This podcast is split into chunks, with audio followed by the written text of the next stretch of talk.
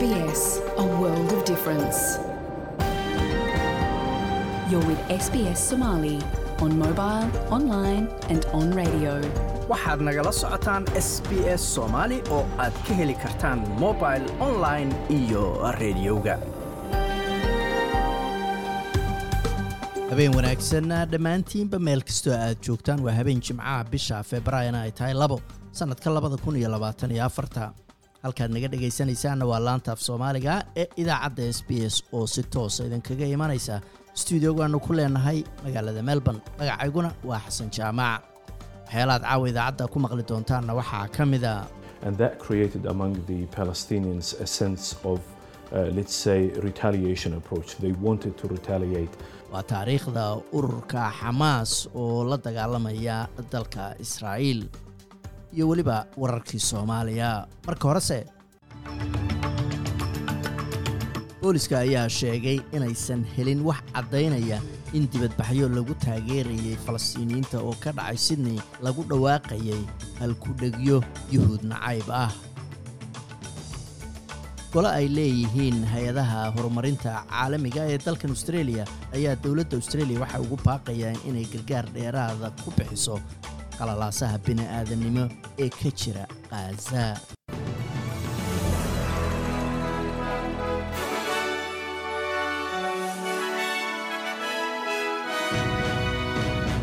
booliska ayaan helin ayaa la yidhi wax caddaynaya in kelmado yuhuud nacayba oo aflagaada ah laga sheegay ama la isticmaalay dibadbaxyo falastiiniyiinta lagu taageerayay oo ka dhacay jaranjarooyinka hore ee sydney opera house-ka.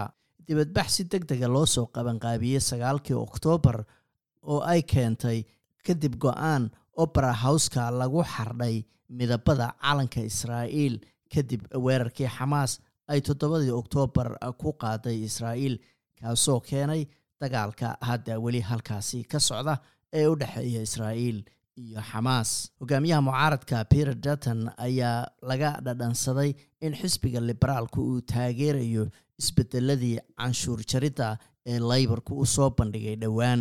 Dowladda albanisi ayaa jebisay ballanqaadyadeedii xilligii doorashada kadib markay isbeddel ku samaysay siyaasadda canshuur jaridda si ay canshuur dhaafkaasi ama canshuur jariddaasi u gaarsiiso dhammaan dadka canshuur bixiyayaasha oo dhan. Dowladda ayaa taageero uga baahan isbahaysiga iyo xisbiyada madaxa bannaan si sharcigani uu markaasi u maro ama looga ansixiyo labada aqal. Australia iyo new zealand ayaa wada yeeshay wadahadal dhanka ammaanka oo lagu aasaasayo military labada dhinac ay wadaagaan. Shirkii ugu horreeyey oo ay wada yeeshaan wasiirada gaashaandhigga iyo kuwa arrimaha dibadda ee labada dal ayaa ka dhacay magaalada melbourne shalayto iyadoo madaxdani ay kala saxiixdeen heshiisyo isu keenaya ama isu soo dhoweynaya labadan dal ee xulafada ko ah. Waxaa loo bixiyey anzak heshiisyada ay galeen ayaa waxaa ka mida dhowlatus military oo dhex mara australia iyo new zealand iyo suurtagalnimada inay qalab military soo wada gataan. Iyo sidoo kale waxaa sii kordhaya suurtagalnimada in new zealand ay ku biirto wejiga labaad heshiiskii ocus loo bixiyey oo australia ay la gaartay maraykanka iyo u k. Australia ayaa wafdi u diri doonta new zealand si qorshayaashaasi looga wada hadlo. Laba qof ayaa geeriyooday kadib markii tareen xamuulka qaadaa uu ku dhuftay meel ku taala waqooyiga magaalada sydney. Adeegyada deg dega ayaa ka jawaabay oo tegey tareen steshinka xaafadda barara habeenbarkii xalay oo jimco ahayd kadib markii loo soo diray telefoonno la leeyahay nin iyo haweeney ayaa markaasi tareenku uu ku dhuftay ama ku dhacay. Adeegyada ambalaaska ayaa labadan qof markiiba gaaray laakiin isla goobta ayaa la sheegay inay ku geeriyoodeen. Labadan qof ayaan weli magacooda la sheegin. Booliskuna waxa ay sheegeen in daruufaha arrintan ay ku dhacday la baari doono. Golaha horumarka caalamiga ee dalkan australia oo loo soo gaabiyo acfid ayaa ugu baaqay dowladda australia inay gargaar dheeraada siiso ama gargaar dheeraada ay ku bixiso dhibaatada bini-aadanimo ee ka socota dhulka falastiiniyiinta.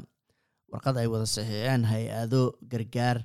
Ayuu golahu waxa uu ku weydiistay ra'iisul wasaare antony albanisi iyo wasiiradda arrimaha dibadda benny wong inay kordhiyaan maalgelinta la siiyo barnaamijyada bini aadan sidoo kalena waxa ay taageereen warbixintii hordhac ahayd ee ka soo baxday maxkamadda caalamiga ee cadaaladda toddobaadkii la soo dhaafay ayay ahayd markii maxkamadan ugu sarreysa qaramada midoobay ay amartay israa'iil inay qaado dhammaan tallaabooyinka loo baahan yahay ee awooddeeda ah si ay uga hortagto suurtagalnimada fal xasuuq oo ka dhaca khaza dalka turkigana booliska ayaa dilay nin hubaysnaa oo dad ku afduubtay warshad ay leedahay shirkadda weyn ee proctor and gambal oo ku taalla waqooyi galbeedka dalka turkiya waxayna halkaasi ka soo badbaadiyeen boolisku toddoba qof oo afduub loo haystay.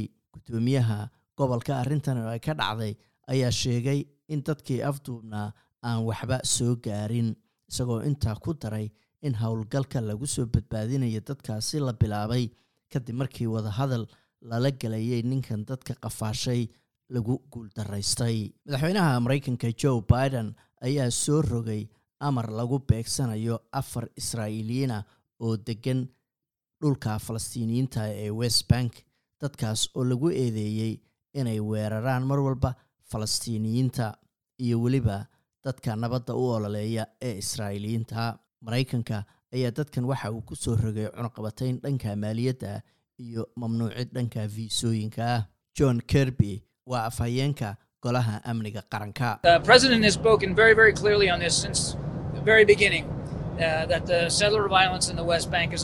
madaxweynuhu Uh, si uh, cad ayuu arrintan uga hadlay bilowgiiba isagoo sheegay in rabshada ay ku kacayaan dadka yuhuudda ee degay dhulka falastiiniyiinta ee west bank ay tahay waxaan la aqbali karin. Waanu sii wadaynaa ayuu yidhi inaannu eegno awood kasta oo aanu leenahay oo arrintaasu aanu wax uga qaban karna ayuu yidhi. Amarka master biden ayaa noqonaya tallaabo aan hore looga baran dalka maraykanka oo isagu aad ugu dhow dalka israa'iil. Sidoo kalena master biden isagoo hore u sheegay in israa'iil ay xaq u leedahay inay isdifaacdo. Madaxda midooda yurub ayaa si aqlabiyada waxay isugu raaceen inay sii ballaariyaan siddeetan iyo saddex bilyan oo dollar oo gargaar cusub oo la siinayo dalka ukraine kadib markii ay soo afjareen ama ka gudbeen caqabado uga imanayay dalka hungari oo isagoo arrintan diidanaa. Ka hor shir madaxeedku intuusan bilaaban madaxda e u-da ayaa cadaadis ballaaran saaray hungari inay joojiso diidmada ay arrintan diidan tahay iyadoo midowda yurub uu u sheegay ra'iisul wasaaraha dalkaasi victor orban inuu dhinac doorto iyadoo dagaalka ruushka uu wado uu caqabad ballaaran oo weyn ku yahay markaasi gobolka oo dhan. Madaxweynaha midowda yurub ursula van leyn ayaa sheegtay in sanduuqa gargaarkan ee u dambeeyey uu fariin cad u dirayo moscow. Today is indeed a very special day. The European Council reconfirmed Europe's unwavering maanta runtii waa maalin gaar ah oo aad muhiim u ah. Golaha yurub waxa ay mar kale xaqiijiyeen in yurub ay si cad u taageerayso garabna taagan tahay ukraine. Dhammaanteen waa ognahay ayay tiri in ukraine ay annagoo dhan noo dagaalamayso. Waana wax kasta oo maaliyada oo ay u baahan tahayna waanu ku taageeraynaa. Waxaanu siinaynaa wax kasta oo ay u baahan yihiin waa ayna u qalmaan. Waxayna ila tahay ayay tiri in kontonkan bilyan ee euro ee afarta sano soo socda uu fariin cad oo adag u dirayo putin ka hor bay tiri sanad guuradii labaad ee ka soo wareegaysa duulaankii waxashnimada ahaa. Saadaasha hawada berita oo sebtia beth qayb ahaan daruur dabaylo ayaa sidoo kale filaya soddon iyo kow ayaa ugu sarreysa adelaide waa cadceed iyo soddon iyo saddex melbourne waa cadceed iyo soddon iyo kow sydney waa daruuro iyo labaatan iyo toddobo brisbanna waa qayb ahaan daruur iyo soddon iyo labo digrii halka australian dollar maanta waxaa lagu sarifayay lixdan iyo lix senti oo lacagta maraykanka ah.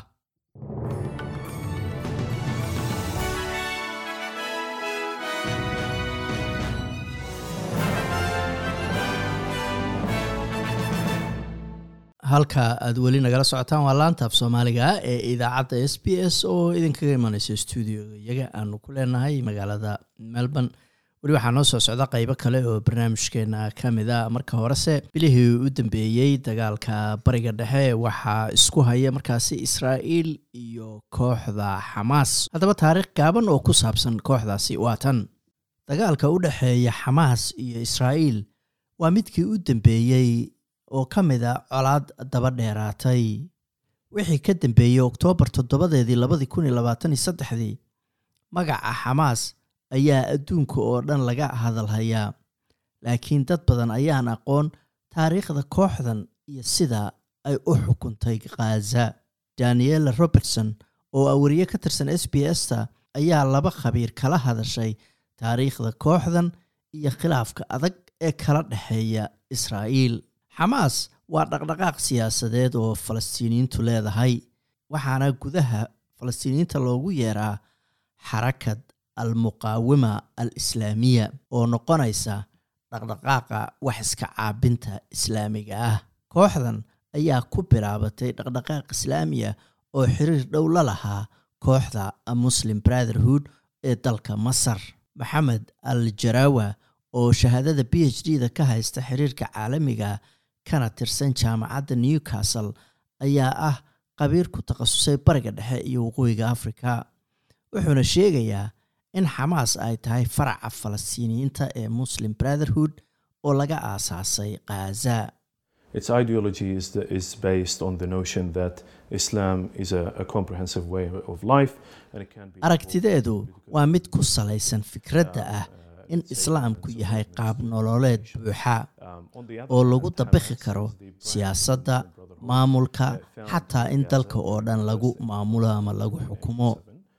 dhanka kalena xamaas waa faraca ama laan ka tirsan muslim brotherhood oo laga aasaasay khaza intii uu socday kacdoonkii koowaad ee intifaadada loo bixiyey ee kun iyo sagaal boqol iyo siddeetan iyo toddobadii wakhtigaas oo kooxda fataax oo ah kooxda siyaasadda ugu weyn ee ururka p l o ka tirsanayd loo arkayey inay gabeen inay wax ka qabtaan baahida ay falastiiniyiintu u qabeen inay noqdaan ama helaan xorriyad ama madax bannaani.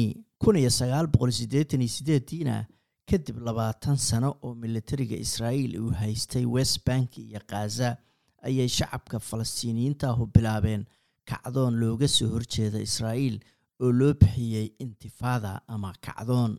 Eyaal mayruus waa macalin culunta nabadda iyo colaadda ka dhiga jaamacadda sydney. Wuxuu sharaxayaa inay wakhtigaas ahayd markii xamaas ay qoratay dastuurkeedii ugu horreeyey iyadoo ku baaqaysa in dal falastiin ay leedahay la helo was very strongly anti-Semitic and was targeting not only Israel but also Jews wherever they are. dastuurkaasu wuxuu ahaa mid yuhuud nacayb weyn ay ku qoran tahay oo aan lagu beegsanayn oo keliya israa'iil ee lagu beegsanaya yuhuudda meel kasta oo ay joogtaba ayuu yidri maer mayruus ayaa sheegay in tallaabada ay wakhtigaas qaaday ay taageero badan ku heshay. Halka fataax oo ahaa xisbiga talada hayay loo arkay inaysan danaha falastiiniyiinta sidii la rabay u wadin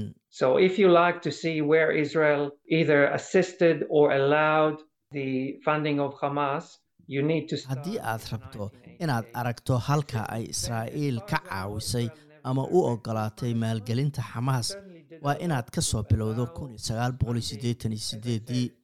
wixii markaas ka dambeeyey israa'iil weligeed si toosa xamaas uma maalgelin.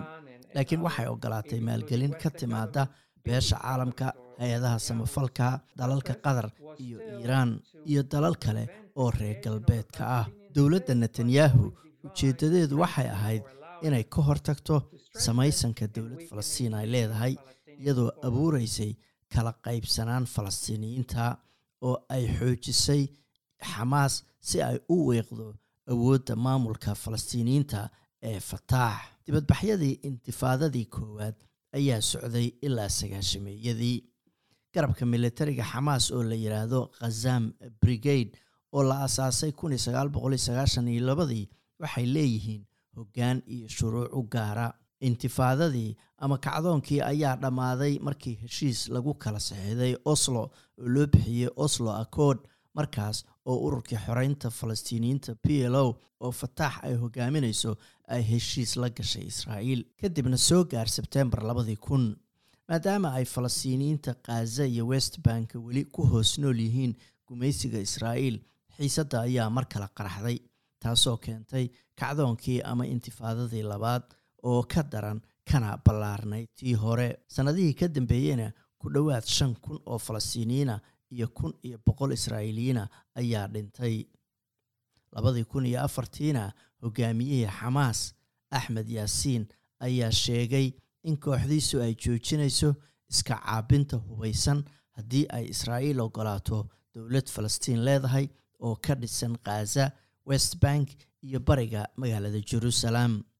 Israa'iil ayaa duqayn ku khaarijisay yaasiin weerar ay isaga ku beegsatay markaa kadib maxamed al jaraawa ayaa sheegaya in tani sababtay tallaabooyin militari oo dheeraada oo ka dhaca ama lagu galo dhulka falastiiniyiinta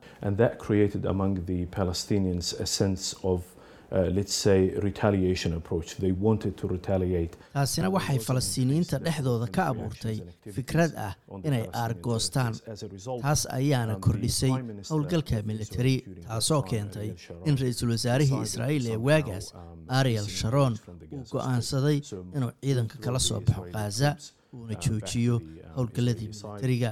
Labadii kun iyo lixdiina xamaas ayaa guulo lama fiilaana ka gaartay doorasho ka dhacday khaza ismaaciil xaniyana waxa uu noqday ra'iisul wasaarahooda fataax oo taageero ka helaysa israa'iil maraykanka dalalka carabta ayaan iyadu aqbalin natiijadii doorashada. Iskuday ay ku doonaysay inay natiijada ka hor timaadana waxa ay sababtay dagaal dhiig badani ku daatay oo ka dhacay waddooyinka khaza bishii julaay labadii kun iyo toddobadiina xamaas ayaa ka adkaatay ciidankii fataax gebi ahaan gaazana gacanta ku dhigtay. Israa'iil ayaa markaas kadib xanibaado dhanka badda cirka iyo dhulkaba waxa ay ku soo rogtay khaza iyadoo xakamaysay badeecadaha ama alaabta soo gasha iyo kuwa ka baxaba taasoo keentay in dhaqaalaha khaza uu gebi ahaanba ku tiirsanaado gargaar bini aadan labadii kun iyo toddobiyo tobankiina maxamed al jawaare ayaa sheegaya in xamaas ay soo bandhigtay barnaamij siyaasadeed oo cusub iyadoo khafiifisay halkii ay ka taagnayd israa'iil aqbashayna fikradda dal falastiin leedahay oo ka samaysma dhulkii ay israa'iil ku qabsatay dagaalkii lixda maalmood ee kun iyo sagaal boqol lixdan toddobadii.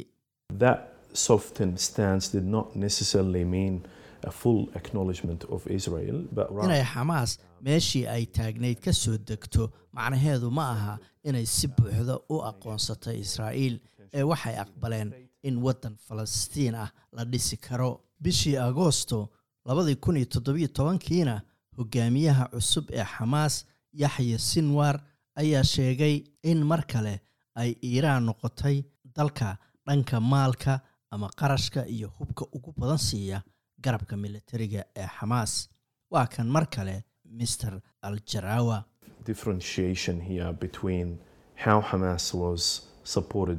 jarawa differentiation here between how Hamas was supported financially, socially, or by other equipments by other branches of the Muslim waa kala duwan yihiin sida xamaas ay u taageeraan maaliyad bulsho iyo qaab kale ahaan garabyada kale ee muslim brotherhood gaar ahaan kuwa masar iyo heerka taageero ee ay ka hesha iiraan marka xiriirka xamaas iyo iiraan waa mid adag. kadib kacaankii iiraan ka dhacay kun iyo sagaal boqol toddobaatan iyo sagaalkii wax badan baa isbedelay iiraanna waxay noqotay taageeraha ugu weyn ee taageera mintidiinta islaamiyiinta ee bariga dhexe. Eyaal mayros ayaa sheegay in siyaasadda ra'iisul wasaaraha israa'iil benjamin netanyahu uu uga jawaabay colaadda xamaas ay ka dhalan karaan natiijooyin lama filaan ah.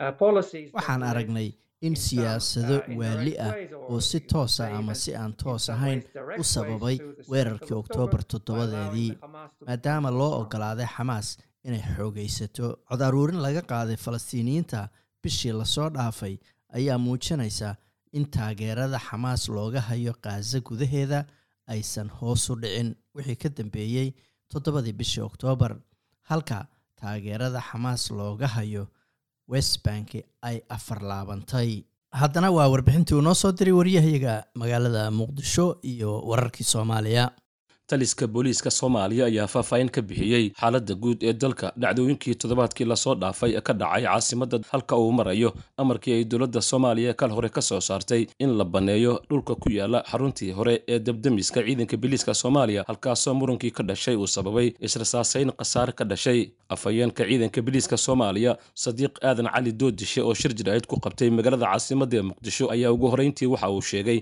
in guud ahaanba ammaanka caasimadda uu aad u wanaagsan yahay oo ay ka dhaceen oo keliya ilaa siddeed iyo toban kiis kadib iskaashi ay sameeyeen ciidanka kala duwan ee dowladda taa oo keentay in ay yaraadaan kiisaskii ammaan daro ee horey u dhici jiray. Asbuucii la soo dhaafay waxaa siyaabo kala duwan magaalada muqdisho uga dhacay ilaa siddeed iyo toban kiis oo dhammaantood falal amni darro wada ahaa. Kiisaskaasi waxay ku tacalluqaan kiisas ee aad u yar oo hoos u dhac ballaaran laga sameeyey bacdamaa howlgallada ciidanku ay samaynayeen darteed howlgal hoos u dhac aad wanaagsan ayaa waxaa sameeyey howlgalladii khawaarijtu ama dhibaatooyinka khawaarijtu ay magaaladan ka geysan jirtay.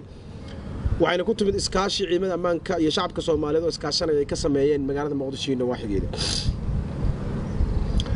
Howlgalladaasi waxay hoos u dhigeen dhacdooyinkii khawaarijtu ay dadka ku taargadgaraysan jirtay oo dhibaato ku abuuri jirtay siddeed iyo tobankaas shan kiis oo ka mid a waxay ahaayeen wiifto oo dhacay xilligii dabaaldegyadii ama fantasiyadii ciyaaraha dowladda xubnaha dowladda federaalka ahi ay soo dhammaadeen ama dowlad goboleedyada ciyaarahooda ay soo dhammaadeen fantasiyadii lagu dhigayey ciyaarahaas iyo kaabkoodii xabado bilaa micnaha kor loo riday oo habeenkii magaalada lagu asqeeyey ayaa sababay wiiftooyinka ilaa shan kiis oo dad guryahooda iyo xaafado kale ugu tago weliba carruur ay ku jirto iyagana xaaladahoodu hadda aad bay u sii wanaagsanaanayaan oo soo bogsanayaan siddeed iyo tobankaas kiis waxaa kaleeto ku jira laba bangacmeed oo siyaabo kala duwan khawaarijtu ay u tuurtay. Waxaa kaleeto ku jira nin xaaskiisa ku gubay degmada dharkeelley oo gubay oo dhibaateeyey marwadiisa xaaska ahayd iyadana ilaahay waxaanu baryaynaa inuu boogadhayo oo caafimaad deg dega siiyo dhammaan kiisaskaas dhacay waxaa xusid mudan marka laga reebo laba kiis oo siyaabo kala duwan u dhaco. Midna saldhigga waaberi iyo degmada waaberi horteeda ka dhacay midna degmo kaleo gobolka banaadir ka mida oo ka dhacay marka laga reebo siddeed iyo tobankaas kiis inta kiis oo kaleeto dhammaan eedeysanayaashii geystay gacantaa lagu hayaa. Waxaa ugu dambaysa shala toole in israsaasayn bar hubinta gaadiidka oo ciidan ay ku lahaayeen barta kala qaybisa degmooyinka dayniile iyo degmada hodon israsaasayn kooban oo ciidanka dhex martay awgeed. Iyadana sidaasoo kaleeto waxaa tillaabo laga qaaday dadkii ku lugta lahaa falalka noocaas ah waxaana la horgeeyey gacana lagu dhigay iyagana falalkii noocaas ahaa baaristoodii waa ay socotaa. Laakiin qof walboo ku eedaysan falkii noocaas ahaa gacanta wuxuu ku jiraa hayadaha gacanta kuleh isagana sida u dhaqsiyaha badan ayaa maxkamadda awoodda u leh iyagana la horgeyn doona afhayeenka ciidanka biliiska ayaa dhanka kale waxa uu sheegay in dadka degan dhulkii debdemiska ee isbitaalka banaadir u dhow loo qabtay ilaa iyo laba toddobaad islamarkaana iminka uu dhammaaday kalabar wakhtigaasi loo qabtay isagoona intaa raaciyey in laga wada hadlay shaqaaqadii arrintaasi ka dhalatay oo sababtay in uu ku geeriyoodo askari ka tirsan ciidanka biliiska soomaaliya. Shan iyo labaatankii bishii nofembar muddo laba bilood oo taliska ciidanka booliiska soomaaliyeed uu qabtay shacabkii soomaaliyeed ee deganaa dhulka debdemiska iyo hoggaanka dhismaha booliiska ee ku yaalla ka soo horjeedka saybiano halkaas oo ku ekaa bacdii loo qabtay shan iyo labaatankii bishii janawari laba kun afar iyo labaatan muddo laba bilood oo la siiyeyna ay halkaa ku ekayd shaqaaqooyin iyo siyaabo kale oo waxooga dhaceenna waxaa dib dambe taliska ciidanka iyo dadkii halkaa deganaa guddiyadii loo soo magacaabay ay isla garteen in ay muhiim tahay ayna laga maarmaanna tahay in hayadda ay hay'addii dhulkeeda u baahan tahay dhulkeeda dib u hesho oo taliska ciidanka booliiska soomaaliyeed uu dib u helo dhulkii debdemiska iyo hoggaanka dhismaha booliiska oo soonkaa ku yaallay waxaa lagu heshiiyey oo laisla gartay taliska iyo dadkii guddiga ahaa ee dadka aaggaa degani. Ay soo dirsadeen lagu heshiiyey in la siiyo muddo laba asbuuc ah oo ka soo bilaabanaysay maalintii ku ekayd xilligii wakhtigaasu dhacay oo shaqaaqaduna ay dhacaysay xilliga lagu ballamay ayaa ah in shaqaaqadaas ay gaarto in shaqaaqadaas halkaa ku dhammaato dadka guryaha degan ee ku haray ee guryaha weli ku sii haray. Waxaa la gaarsiiyey lagana wargeliyey in taliska ciidanka booliiska soomaaliyeed uu siiyey laba asbuuc oo kale ee intii ku guuri weysaneedna loogu talagalay inay xaaladda u isticmaalaan oo ay ku guuraan. Labadii asbuuc oo kaleeto la siiyey hal asbuuc waa dhammaaday. Hadda waxaa soo haray oo taagan asbuucii u dambeeyey oo ku eg maalinta arbacada ah ee asbuuca soo socota. Taliska ciidanka booliiska soomaaliyeed wuxuu mar kale si qadarin iyo sharaf leh ugu wargelinaya una gaarsiinayaa dadka ku haray goobtaas oo oo loo gartay in wakhtiga intaa la eg aysan u saamixin inay ka guuraan in labadii asbuucoo loogu darayna. Ay dhammaatay hal asbuucoo ka mid a u dhammaaday asbuucii dambena uu yahay asbuucan hadda fooda nagu soo haya oo maalinta arbacada ah ku eg dhanka kale taliyaha ciidanka asluubta soomaaliyeed jenaraal mahad cabdiraxmaan aadan ayaa ka warbixiyey xaaladda caafimaad ee xabsiga dhexe ee xamar halkaasoo ay ku jiraan tiro maxaabiis aad u fara badan. Taliyaha ciidanka oo warbaahinta la hadlay ayaa sheegay in xaalad adag ay ka jirto marka loo eego dhanka caafimaadka xabsiga dhexe ee magaalada muqdisho taliyaha ayaa xusay in qaar ka mida maxaabiistaasi laga yaabo in ay qabaan xanuunka h i v idis kuwo kalena ay qabaan cudurka t b da iyo cudurrada kale ee faafa. Ayna muhiim tahay in gurmad caafimaad lala gaaro sidoo kale waxa uu intaa raaciyey in dadka qaar la keeno xabsiga iyaga oo xanuunsan kuwo kalena ay xabsiga kula dhacaan xanuunada oo ay kala qaadaan. Taliyaha ciidanka asluubta ayaa u mahadceliyey dhakhaatiirta isbitaal maxalli ah oo halkaasi u tegey baaritaan caafimaad inay maxaabiista ku sameeyaan isagoona sidoo kale fariin u diray dadka soomaaliyeed gaar ahaan bahda caafimaadka iyo heedaha kala duwan ee dowladda oo ugu baaqay inay gurmad la soo gaaraan xabsiga dhexe. Meeshaan dad badan baa ku xidhan oo soomaaliyeeda ku jiro. Ninba waxbaa lagu keenay cid og ma laha. Ninba waaranaa loo soo gooyey meeshaa la keenay. Hadduu doono aidisu qabaa hadduu doono wuxuu qabaa t b hadduu doono wuxuu qabaa maxaa la dhahayey cagaarshow cudurrada faafo saas darteed ummaddii waa isku dhex jirtaa kuwaasoo fiyowaa la keenay. Waxaa laga yaabaa inuu meesha asagoo ku jira cudur ka qaaday. Si loola socdo qof walba caafimaadkiisa iyo caafimaad darradiisa ayay isbitaalka samakaal yuu noogu soo gurmaday. Haddana meesha aan dhex taaganna waa xabsiga dhexe. Waadna arkaysaan shaqadoodii iyo meesha ay fadhiyaan. Dadkii ay daawayn lahaayeen oy baari lahaayeenna waa kuwa barxadda weyn ku leyrsanaayo dadaa been ka sheega oo daalumiin ah oo yidhaaha waxaa laga gadaa dabayshaa laga gadaa iyo bannaanka maxaabiista si saaka loo soo saaray waa kuwan meesha safar. Inaad daawaysaana u imaadeen aad baadna u mahadsantihiin adinka iyo ciddii kale oo ma garanaysaa. Idinsoo xagtay oo meesha inku soo tilmaantay ayaguna waa u mahad celinayaa soo dhowaada waajibkiinna aad u timaadeen qabsada waa soo gurmadeen waa aragtaan isbitaallo kaloo badan baa ka jira dalka. Ayagana waxaan ka doonaynaa isbitaallada ha noqdeeno hay'adaha dawladda ha noqdeeno oo ma garanaysaa noocyo badan leh. Ayaguna inay ka qayb qaataanoo u soo gurmadaan. Hadday tahay daawo inay keenaan hadday tahay inay maaragtay isbitaalkan gaadiid keenaan ambalaas waxaasoo dhan waa naga fadhinaa sida wasaaradaha hay'adaha maaragtay samafalka oo ay kuwaanba ka mid yihiin iyo kuwa kaleba nimankaana waa u mahad celinayna dadka kalena waa sugaynaa inay soo gaarsiiyaan. Ay wax ka baaraan caafimaadka dadka kan. Si kastaba xabsiga dhexe ee magaalada muqdisho ayaa marar badan laga soo wariyey xaalado nololeed iyo mid caafimaad daro waxaana ay gaartay baarlamanka soomaaliya oo markii dambe guddi u saaray xaaladda maxaabiistaasi iyo xabsiga dhexe. Halkaad weli nagala socotaan waa laanta af soomaaliga ee idaacadda s b s wararka caawana waxaa ugu waaweynaa booliska ayaa sheegay inaysan jirin wax caddaynaya in erayo ama halkudhegyo yuhuud nacayba laga jeediyey dibadbaxyo lagu taageerayay falastiiniyiinta oo ka dhacay ridaha hore ee opera houseka magaalada sydney. Hogaamiyaha mucaaradka peter dutton waxaa laga dhadhansaday inuusan ka hor imaanayn ama uu taageeri doono siyaasadda canshuur jaridda ee xisbiga leybarku uu soo bandhigay toddobaadkii la soo dhaafay. Australia iyo new zealandna waxay wada qaateen markaasi wadahadal dhanka amniga oo markaasi iskaashi militari lagu abuurayo. Laba qofna waa ay geeriyoodeen kadib markii uu tareen xamuula ku dhuftay magaalada sydney waqooyigeeda.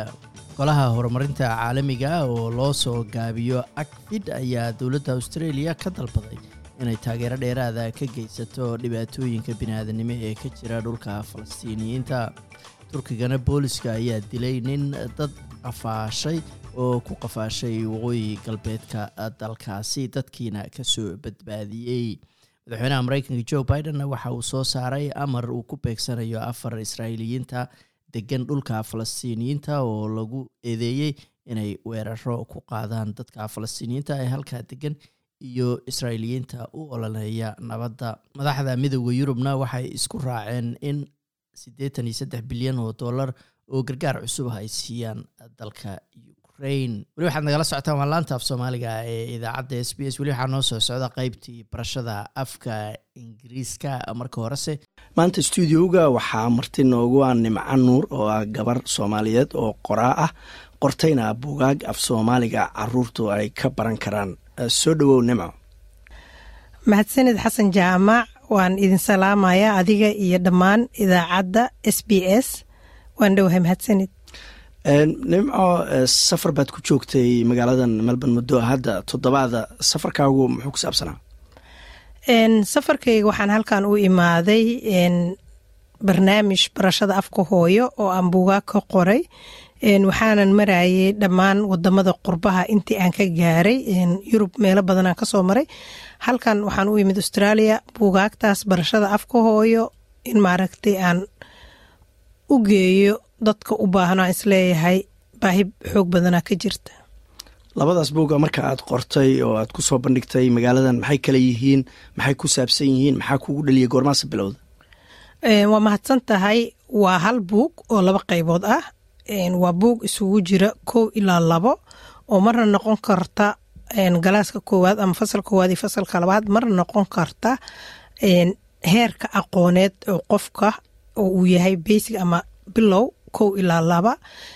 Buug waa buugga wax akhriska oo maaragta casharada laga akhrinayo buugna waa buugga layliga oo looga shaqeynayo wixii la soo akhriyey waxaan bilaabay labadii kun iyo sideedii tobankii waxaana igu dhaliyey baahi qof ahaan ani aan dareemay oo shaqadayda oo ku xirnayd inaan helo material la mid ah meesha aan ku noolaa oo ah finland ardada soomaaliyeed ee halkaas ku nool inay helaan wax u dhigma waxa ay ku bartaan fasalada kale. Marka baahi nafeed baahi shaqo oo isku tagtay darteed waxaan go'aansaday in maaragtay aan soo saaro agab waxbarasho oo carruurta soomaaliyeed oo westernka ku nool qurbaha meelay doontaba ha noqoto u fududaynaya inay bartaan afkooda hooyo dhaqankooda ay iskana dhex arkaan. Marka muhiimad intee la eg bay leedahay in carruurta dibadaha ku dhashay ay af soomaali ku hadlaan? Inteesa la eg tahay? Inta ku hadasha ama aan ku hadlin maloogya haddaan ku hormaro muhiimadda ay leedahay in carruurta qurbaha ku dhasha afkooda ay ku hadlaan. Dabcan cilmi baarisyo badana adduunka la sameeyey oo dad badan oo soomaaliyeed ay ka warqabaan. Waxaana lagu cadeeyey in ilmaha afkooda aan aqoon caqabad ku tahay waxbarashada afafka ku ah asaga maaragta qariibka ama uusa u dhalan. Waxaa la ogaaday in ilmaha markuusa afkiisa hooye aqoonin luuqad kasta oo u barto uusan ku filnaanin laakiin markuu cunuga afkiisa hooye si fiican u yaqaano wuxuu haystaa kayd afeed. Kaydkaas afeed waxa u sahlaysa in erey kasta oo ku soo kordha uu ka raadiya afkiisa kadib uu si fudud u fahmo. Waxaa kaloo la ogaaday in carruurta afkooda aan ku fiicnayn waxbarashada guud ahaan ay ka dhacaan. Hadday waxbarashada ka dhacaan waxaa imaata ilmihii noloshiisa inay caqabad la soo korarto in uu maaragtay jahwareero in dibreshar yar imaado in waalidkii asaga isfahan imaan macnaha isfahankoodii uu xumaado waxaa fudud in uu ku biiro kooxaha maaragtay ka ganacsada ama mukhaadaraadka. Waayo cunug waxbarashada aan rajo ka lahayn aan sugaynin mustaqbal qurux badan is og inuusan gaaraynin heer jaamacadeed. Weyga keliya uu aadi karo uu noloshiisa ku maaragtay daberi karo waa inuu ku biiro koox aan mustaqbal fiican lahayn maxaa keenaya marka cilmi baarisyo badanaa la sameeye waxaa keenaya cunuga waa inuu qeyb ka tirsan yahay ay jirto. Mar haddii uu og yahay mustaqbalkii waxbarasho inuusan qurux badnayn wuxuu raadsanayaa dad isaga la mid ah uu iska dhex heli karo uu ka noqon karo xubin. Waxaa kaloo haddana sii jirto in afka hooyo ilmaha marka uu yaqaano uu dhaqankiisa fahmo wuxuu qiimeynaya ama ixtiraamaya dhaqamada kale. Marka cunug waxaa fududaanaysa meeshii uu ku noolaa inuu nolol fiican ka helo waxaa fududaanaysa sidoo kale dadkii uu la noolaa inuu fahmo dhaqankoodii afkooda. Marka afka hooye waa tiirka nolosha qofka biniaadanka ah waa halka uu horumarka ka bilaabmo waa halka uu ku dhammaado. Qofaan afkiisa aqoon af kalena inuu barto waa ku adag tahay. Tusaale ahaan kalsoonida. Ilmaha markuu afkooda yaqaana kalsoonidiisa way dhisan tahay. Qof ahaantiisa way dhisan tahay. Laakiin markuusa afkiisa aqoonin waxaa ku dhacaya isirwalaac ama identity crisis. Wuxuu u nuglaanayaa wax kasta. Marka afka marka lagu leeyahay waa qofkii waa jiritaankiisii waa xididkiisi geedaan xidid lahayn ma baxo. Qofaan af ama meel uu ka soo jeedo si saxa u garanayn way adag tahay in maaragtay uu laga yaabe inuu horumar sameeyo laga yaabe inuu waxbarashadu ku fiicnaado laga yaabe inuu jaamacado badan ka baxo. Laakiin ani ahaan khibradda aan u leeyahay oo aan la waraystay dad badan oo heer jaamacadeed adduunka ka gaaray meelaha u sareeya gaaray bilad sharafyo la siiyey laakiin ii sheegay in noloshooda mar walba ay wax ka maqnaan jirto oo ah inaysa afkooda hooye aqoonin. Waa gartay. Marka jawaabtaada hore waxaa ku jirtay in buugga af soomaaliga laga baranayo laakiin dhaqankii iyo hidihii ay qeyb ka yihiin. Matalan sheekooyinka aad afka ku qorayso sheekooyinka soomaaliya carruurta la beri jira ay yihiin. Marka sidee isugu xiran yihiin in haddii ilmuhu ay af soomaali ku hadlaan dhaqankii iyo hidihii soomaalida iyo wixiina inay fahmi karaan? Su'aal fiican waaye. Buugga baal kasta waxaa ku qoran suugaan caruureed ama suugaan macnaha soomaaliyeed laakiin carruurta loo qaadi jiray cunuga inuu dhaqanka barto waxay ka bilaabataa guriga. Markii tusaale ahaan hobeeye hobeeyada uu cunugii barto haddii gurigaas ayeyadiis ay ku nooshahay waxay helayaan xiriir cunugii ayeyda ka dhexeeya. Waxaa bilaabmaya qoyska dhexdiisa isu soo dhowaansho ah oo wax ay isla yaqaanaan ay ka midaysan yihiin. Waxaa laga yaabaa maanta cunuga australia hadda jooga soo maaha cunuga jooga inuu yaqaano hees caruureedka australiyaanka laakiin ayayada aysan aqoonin. Aysan jirin wax midaynaya xiriir ka dhexeeya labadaas qof oo isdhashay marka wuxuu sahlayaa inuu qoyskii horta gudihiisa uu ka bilaabo wax la wada leeyahay wada lahaansho suugaan la wada leeyahay wax la isla yaqaano. Marka hidaha iyo dhaqanka kelia maaha inuu cunuga anfacayo laakiin reerka dhexdiisuu anfacaya haddii waalid weyn uu joogo kale. Waa gartay af soomaaliga ama dhibaatooyinka qurbaha sidoo kale waxaa la dhahaa waxaa ka mid a caruurtii iyo waalidkii oo isfahmi waayo. Matalan waalidku uusan luqadii wadankaas looga hadla ama finish ha noqdo ama ingiriis ha noqdo ama swedish ha noqdo uusan fahmayn ilmihiina soomaali uusan aqoon. Marka ma laga yaabaaba af soomaaligaas ama muhiimad intee la eg buu leeyahay af soomaaliga ilmihii ay bartaan xataa qoysas badan oo laga yaabo dhibaatooyin inay ku dhacdo inay arintaas maarata u fududayso waxyaabaha aan u sameeyey macnaha oo aan waqti dheer ilaa lix sano aan u macnaha ugu mintiday inuu soo baxo buuggan ka yahay. Sababtan waxay tahay ani hadda fiinlandaan shan iyo labaatan sano deganahay. Kala cimrigayga inta ka badan fiinlandaan deganahay. Sidii la rabay uma aqaano luqadda finishka. Bal waxbaan ku bartay waa ku shaqeeyaa iskuulaan ka shaqeeyaa macalimad baan ahay. Weli heerkii macnaha la iga rabay ma gaarin si kastoon u dadaalo waayo waa luuqad marti aan ku ahay waa luuqad anoo weyn aan bartay. Ma ku kaafin karo aqoonta afkaas aan leeyahay wax ani aan rabo. Marka ka soo qaad waalidka aniga inta aan sameeyey aan samaynin oo ama aan iskuul tegin ama aan dadkii la macaamilin wadanka deganaa la shaqaynin oo luuqadiisa ay ka kooban tahay tan aniga aan aqaano. Ilmihii iyo isaga isfahankooda waa ka sii adagyahay haddii ilmihiina af soomaali fiican uusan aqoon waalidkiina luuqad fiican uusan aqoon kule guriga dhexdiisa horta waxa ka bilaabanayo kala fogaansho iyo kala xarig furasho iyo maaragta kala durgsanaasho. Cunugaas marka waxaa laga yaabaa iskuulkii inuu dhibaato ku qabo. Waxaa laga yaabaa in waalidkii sidii uu raba uusan ugu sheegi karin. Waxaa laga yaabaa waalidkiina inuusan fahmayn cunugan dhibaatadiisii. Marka mar walbaba dhibanaha waa ilmaha. Waxaana ay dhibano ugu noqdeen waa inaysan luqadoodii afkoodii si fiican u aqoonin waa garta marka hadda australia intaadan imaan dalal kale oo yuruba iyaad soo martay buugaagtaada ku soo bandhigtay waxaad la kulantay waalidiin iyo shacab badan oo kala duwan. Markay buugaagtaada ama akhristeen ama arkeen ama aada la hadashay falcelintooda buugaagta maxay ahayd ama su'aalahay ku weydiinayeen? Waxyaabaha macnaha ani aanan filaynin oo iiga soo dhexbaxay waxay ahayd in waalidiinta ku dhashay qurbaha oo dhallinyarada ah ay dhaheen ilmaheenna uma baahna annagaa u baahan. In macnaha ay u qaateen kan annagaa u baahan markaan annaga barano ayaa ilmaheena baraynaa intaa hadda austraaliya joogay waalid inay tahaan jeclahay gabar waxay macnaha sheegtay in weligeed dariimkeeda riyadeeda ay ahayd inay buug noocaana maalin hesho. Hadda melbourne intaan joogay bandhigii ugu horeeyey oo xarunta gudoomiye faarax lagu soo bandhigaya. Macnaha marka waxaa isukay qabtay oo isku mid noqday baahida yurub ka jirta inay australiana ka jirto. Waa garta marka baahidaas dabcan adigu hadda laba buug baad qortay waa dadaashay. Laakiin af soomaaliga in la ballaariyo carruurta ku hadasho la barto laba buug kuma filna. Maxaad is leedahay oo talooyin oo kalaad siisay ama waalidiinta ama carruurta luqadii lagu xoojin karaa ama af soomaaligii waa runtaa laba buug iyo labaatan buug iyo laba boqoloo buug midnana ma kaafin karaan waxaa jiro hadda annaga reer fiinland haddaan nahay isku dayo badanaa jiro oo afka. Waxaa jira carruur dhalinyaro soomaaliyeed oo fiinland ku dhashay laba dhakhtar waaye laakiin baahida ayaga ay soo arkeen yaraantoodii ayagoo ka duulaya waxay sameeyeen brograam la dhaho somali tunes. Waa filimo sidii maaragta netflix oo kale wuxuu ku hadlaa af soomaali isla filimadii netflix ku jiray waxay qaateen ogolaansho inay afkooda u turjumaan.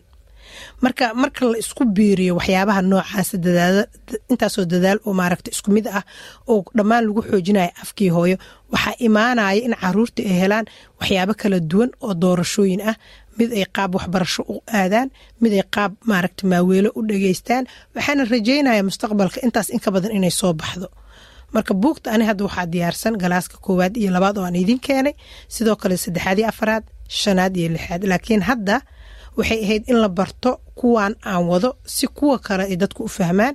Waxaa kaloo jirta qayb dijitaal ah oo maqal iyo muuqaal isugu jirta oo ilmaha u fududaynaya inay afki bartaan. Waa garta af soomaaliga dabcan xaruntiisu waa dalkii soomaaliya iyo bariga afrika halkaas weli nidaamka dowladnimo weli ma degana hay'adihii ilaalin lahaa kama dhisna. Maalgelintii la rabay in lagu bixiyo laguma bixiya laguma bixiyo. Marka buugaagtan oo dabcan arintaas yaa buuxin kara doorkaas soomaaliya ama wadankeenii laga rabay inuu qabto yaa buuxin karaad isleedahay wallaahi waxaan is leeyahay waxa buuxin kara dhammaan qof kasta oo barbaarinta wax ka yaqaana qof kasta oo u dhuundaloola oo aan is leeyahay wuu wax un wuu ku soo tari karaa haddii ay isu tagaan ka midoobaan far kaliya fool ma dhaqdo bugaagtan ilays af soomaali ma buuxin karaan baahida jirta. Laakiin haddii dowladdu ay fursad u siiso dadka ehelka u ah inay ka qayb noqdaan waxaa aaminsanahay wax qurux badan inay soo bixi karaan. Marka waxaan tala ahaan ku soo jeedin lahaa in dowladda soomaaliya ay macnaha garato wadanka iyo dadku waxay u baahan yihiin manhaj midaysan af midaysan si loo soo saaro mustaqbalka dad soomaaliyeed oo midaysan. Dadka hadda waxaa kala tuuray waa manhajyadan qofba meel ka soo qaata marka way adag tahay in la isu keeno. Laakiin wax midaysan marka la keeno way fududahay in dadka la mideeyo. Waa gartay intaa hadda joogtay toddobaad bay ku dhowdahay jaaliyadda qayba kala duwan baad la kulantay xafladaha lagu qabtay qaar baa soo socda. Ilaa iyo hadda maxaa kala kulantay jaaliyadda iyo magaalada melbourne guud ahaan? Wallaahi wax aad u qurux badan. Dad soomaaliyeed oo jecel afkooda. Dad soomaaliyeed oo martisoorka ku fiican. Annaga reer yurub waxaa nalaku xantaa martisoorka waa ka dhuumataan laakiin halkan waxaa arkaya dadku soo raadinayo oo ku dhahaya jadwalka goormaa bannaan. Marka aad iyo aadaan runtii ugu faraxsanahay waxaan kaloon ku sii faraxsanahay meel cimiladeeda fiican tahay inaan imaaday oo barafkii aan ka soo tegay aana baraf kale imaanin. Marka hambalyaan leeyahay reer australia gaar ahaan melbourne. Waa gartay buugaagta xaggee laga heli karaa qofkii aysan u suuroobin ama nasiib u yeelan inuu kulamada iyo goobaha ad ku soo bandhigaysa imaan? Xaggee laga heli karaa?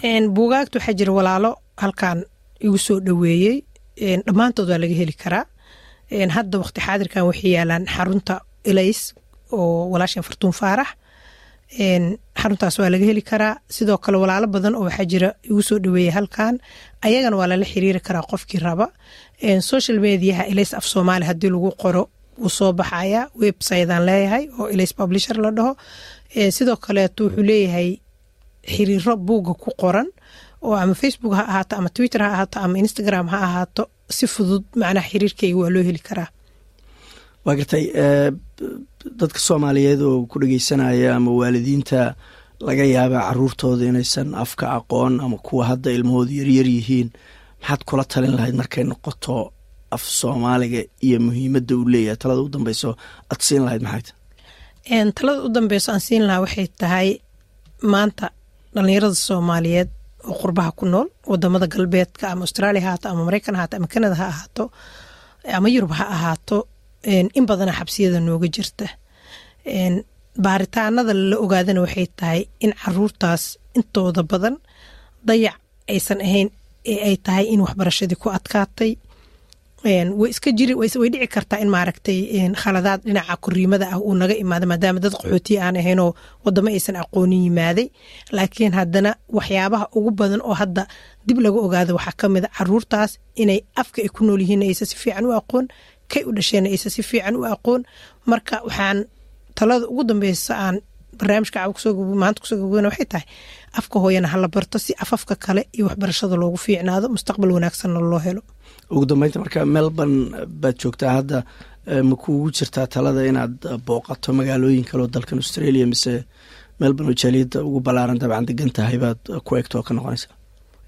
Taas hadda ma ii qeexna waa dhici kartaa inaan magaalooyin kala tago waana dhici kartaa inaan halkan ka nooqdo laakiin mar walba waxaan qiimeyna insha allah waqtigayga iyo siday jaaliyadaha ay ugu baahan yihiin buuggaan taasina waxay ahayd nimco nuur oo nagu soo booqatay stuudioga waraysigaas waxaanu qaadnay dhowr bilood muddo hadda laga joogo.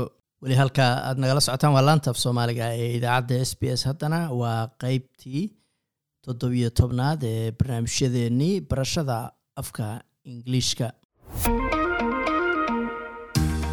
Learning English helps me make friends in my local community garden. Hi, welcome to the SBS Learn English podcast, where we help Australians to speak, understand, and connect. We acknowledge the Camarigal people as the traditional owners of the land we are recording on and pay respect to their elders, past and present. My name is Josipa, and like you, I need to practice new words and phrases constantly. Before I get into the lesson, let me shout out to Marie, who left us a review on Apple Podcasts. She said, That's fantastic, exactly what I was looking for. Well, thank you, Marie. And if you are looking for lessons on particular topics or just have general feedback, we'd love it if you also left a review. You might be the next shout out we do. So, let's spring into action. Meaning, become active and start working on our phrases for my favorite season of the year. Spring, yes, spring is finally here. Plants are growing, and everyone wants to talk about gardening. Just like Susie and Alan. Let's hear them. You have some lovely natives, Susie. Where will you put them? They need partial sun and they'll make a lovely ornamental garden. So I was thinking in this corner here. I love natives because they're low maintenance and not too thirsty. That's good for me because I don't have a green thumb. Alan asks Susie about her native plants. Native animals or plants, like Australia's national flower, the golden wattle, are indigenous to a place. Or plants can be introduced, which is when a species is accidentally or deliberately brought into an area. So you could ask someone, In your area, is it natives or mainly introduced trees and plants? Susie has a special corner in mind for her native plants. She said, They need partial sun and they'll make a lovely ornamental garden. Do your plants need full sun or part shade? Is your garden bed in a partially or fully shaded spot? If you don't have a garden, what kind would you like to have? Flower, veggie, or a lovely ornamental garden?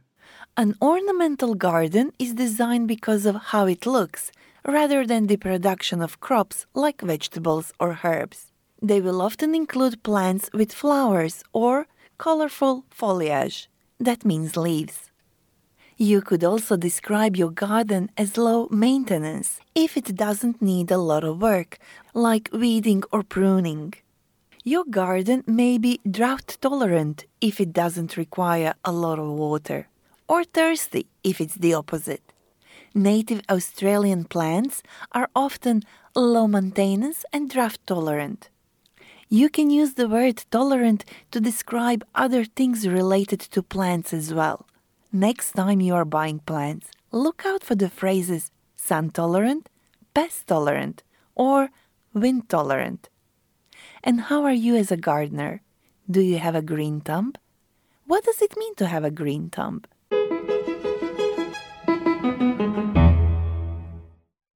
I don't have a green thumb, unfortunately. To have a green thumb means to have unusual ability to make plants grow well. I hope Susie has a green thumb. She gave Alan a big list and sent him shopping for some garden tools. Let's check on him. Ah, there it is. Susie's list. What does it say?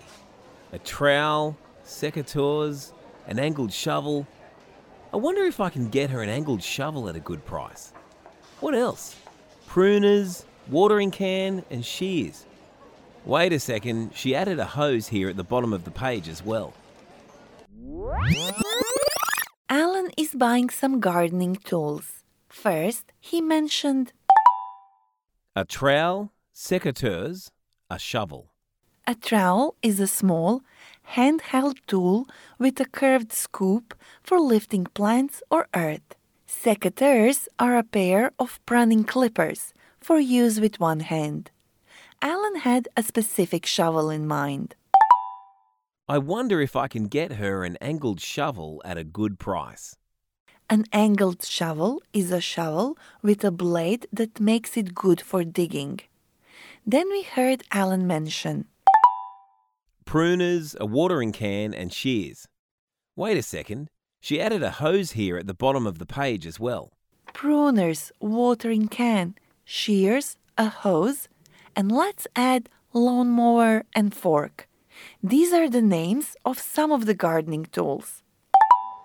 halkaad weli nagala socotaan waa laanta af soomaaliga ee idaacadda s b s wararka caawana waxaa ugu waaweynaa booliska ayaa sheegay inaysan jirin wax caddaynaya in erayo ama halkudhegyo yuhuud nacayba laga jeediyey dibadbaxyo lagu taageerayay falastiiniyiinta oo ka dhacay ridaha hore ee opera houseka magaalada sydney. Hogaamiyaha mucaaradka peter dutton waxaa laga dhadhansaday inuusan ka hor imaanayn ama uu taageeri doono siyaasadda canshuur jaridda ee xisbiga leybarku uu soo bandhigay toddobaadkii la soo dhaafay. Australia iyo new zealandna waxay wada qaateen markaasi wadahadal dhanka amniga oo markaasi iskaashi militari lagu abuurayo laba qofna waa ay geeriyoodeen kadib markii uu tareen xamuula ku dhuftay magaalada sydney waqooyigeeda golaha horumarinta caalamiga oo loo soo gaabiyo acfid ayaa dowladda australia ka dalbaday inay taageero dheeraada ka geysato dhibaatooyinka biniaadanimo ee ka jira dhulka falastiiniyiinta. Turkigana booliska ayaa dilay nin dad qafaashay oo ku qafaashay waqooyi galbeedka dalkaasi dadkiina ka soo badbaadiyey madaxweynaha mareykanka joe bidenna waxa uu soo saaray amar uu ku beegsanayo afar israa'iiliyiinta degan dhulka falastiiniyiinta oo lagu eedeeyey inay weeraro ku qaadaan dadka falastiiniyiinta ee halkaa degan iyo israa'iiliyiinta u ololeeya nabadda. Madaxda midooda yurubna waxay isku raaceen in siddeetan iyo saddex bilyan oo dollar oo gargaar cusub ah ay siiyaan dalka ukraine idaacaddeenii caawana intaas ayaan ku soo gebagabaynaynaa waa aniga oo ah xasan jaamac oo inla intaas iyo nabadgelyo. Waa inoo toddobaadka dambe haddii baydmo waad ku mahadsantahay inaad dhegaysato raadiyaha s b s. Toos u dhegaysa barnaamijka habeenada arbacada iyo jimcada tobanka fiidnimo. Ama kaga soo cesho website-ka iyaga iyo s b s radio app. Booqo s b s com au xariijin soomaali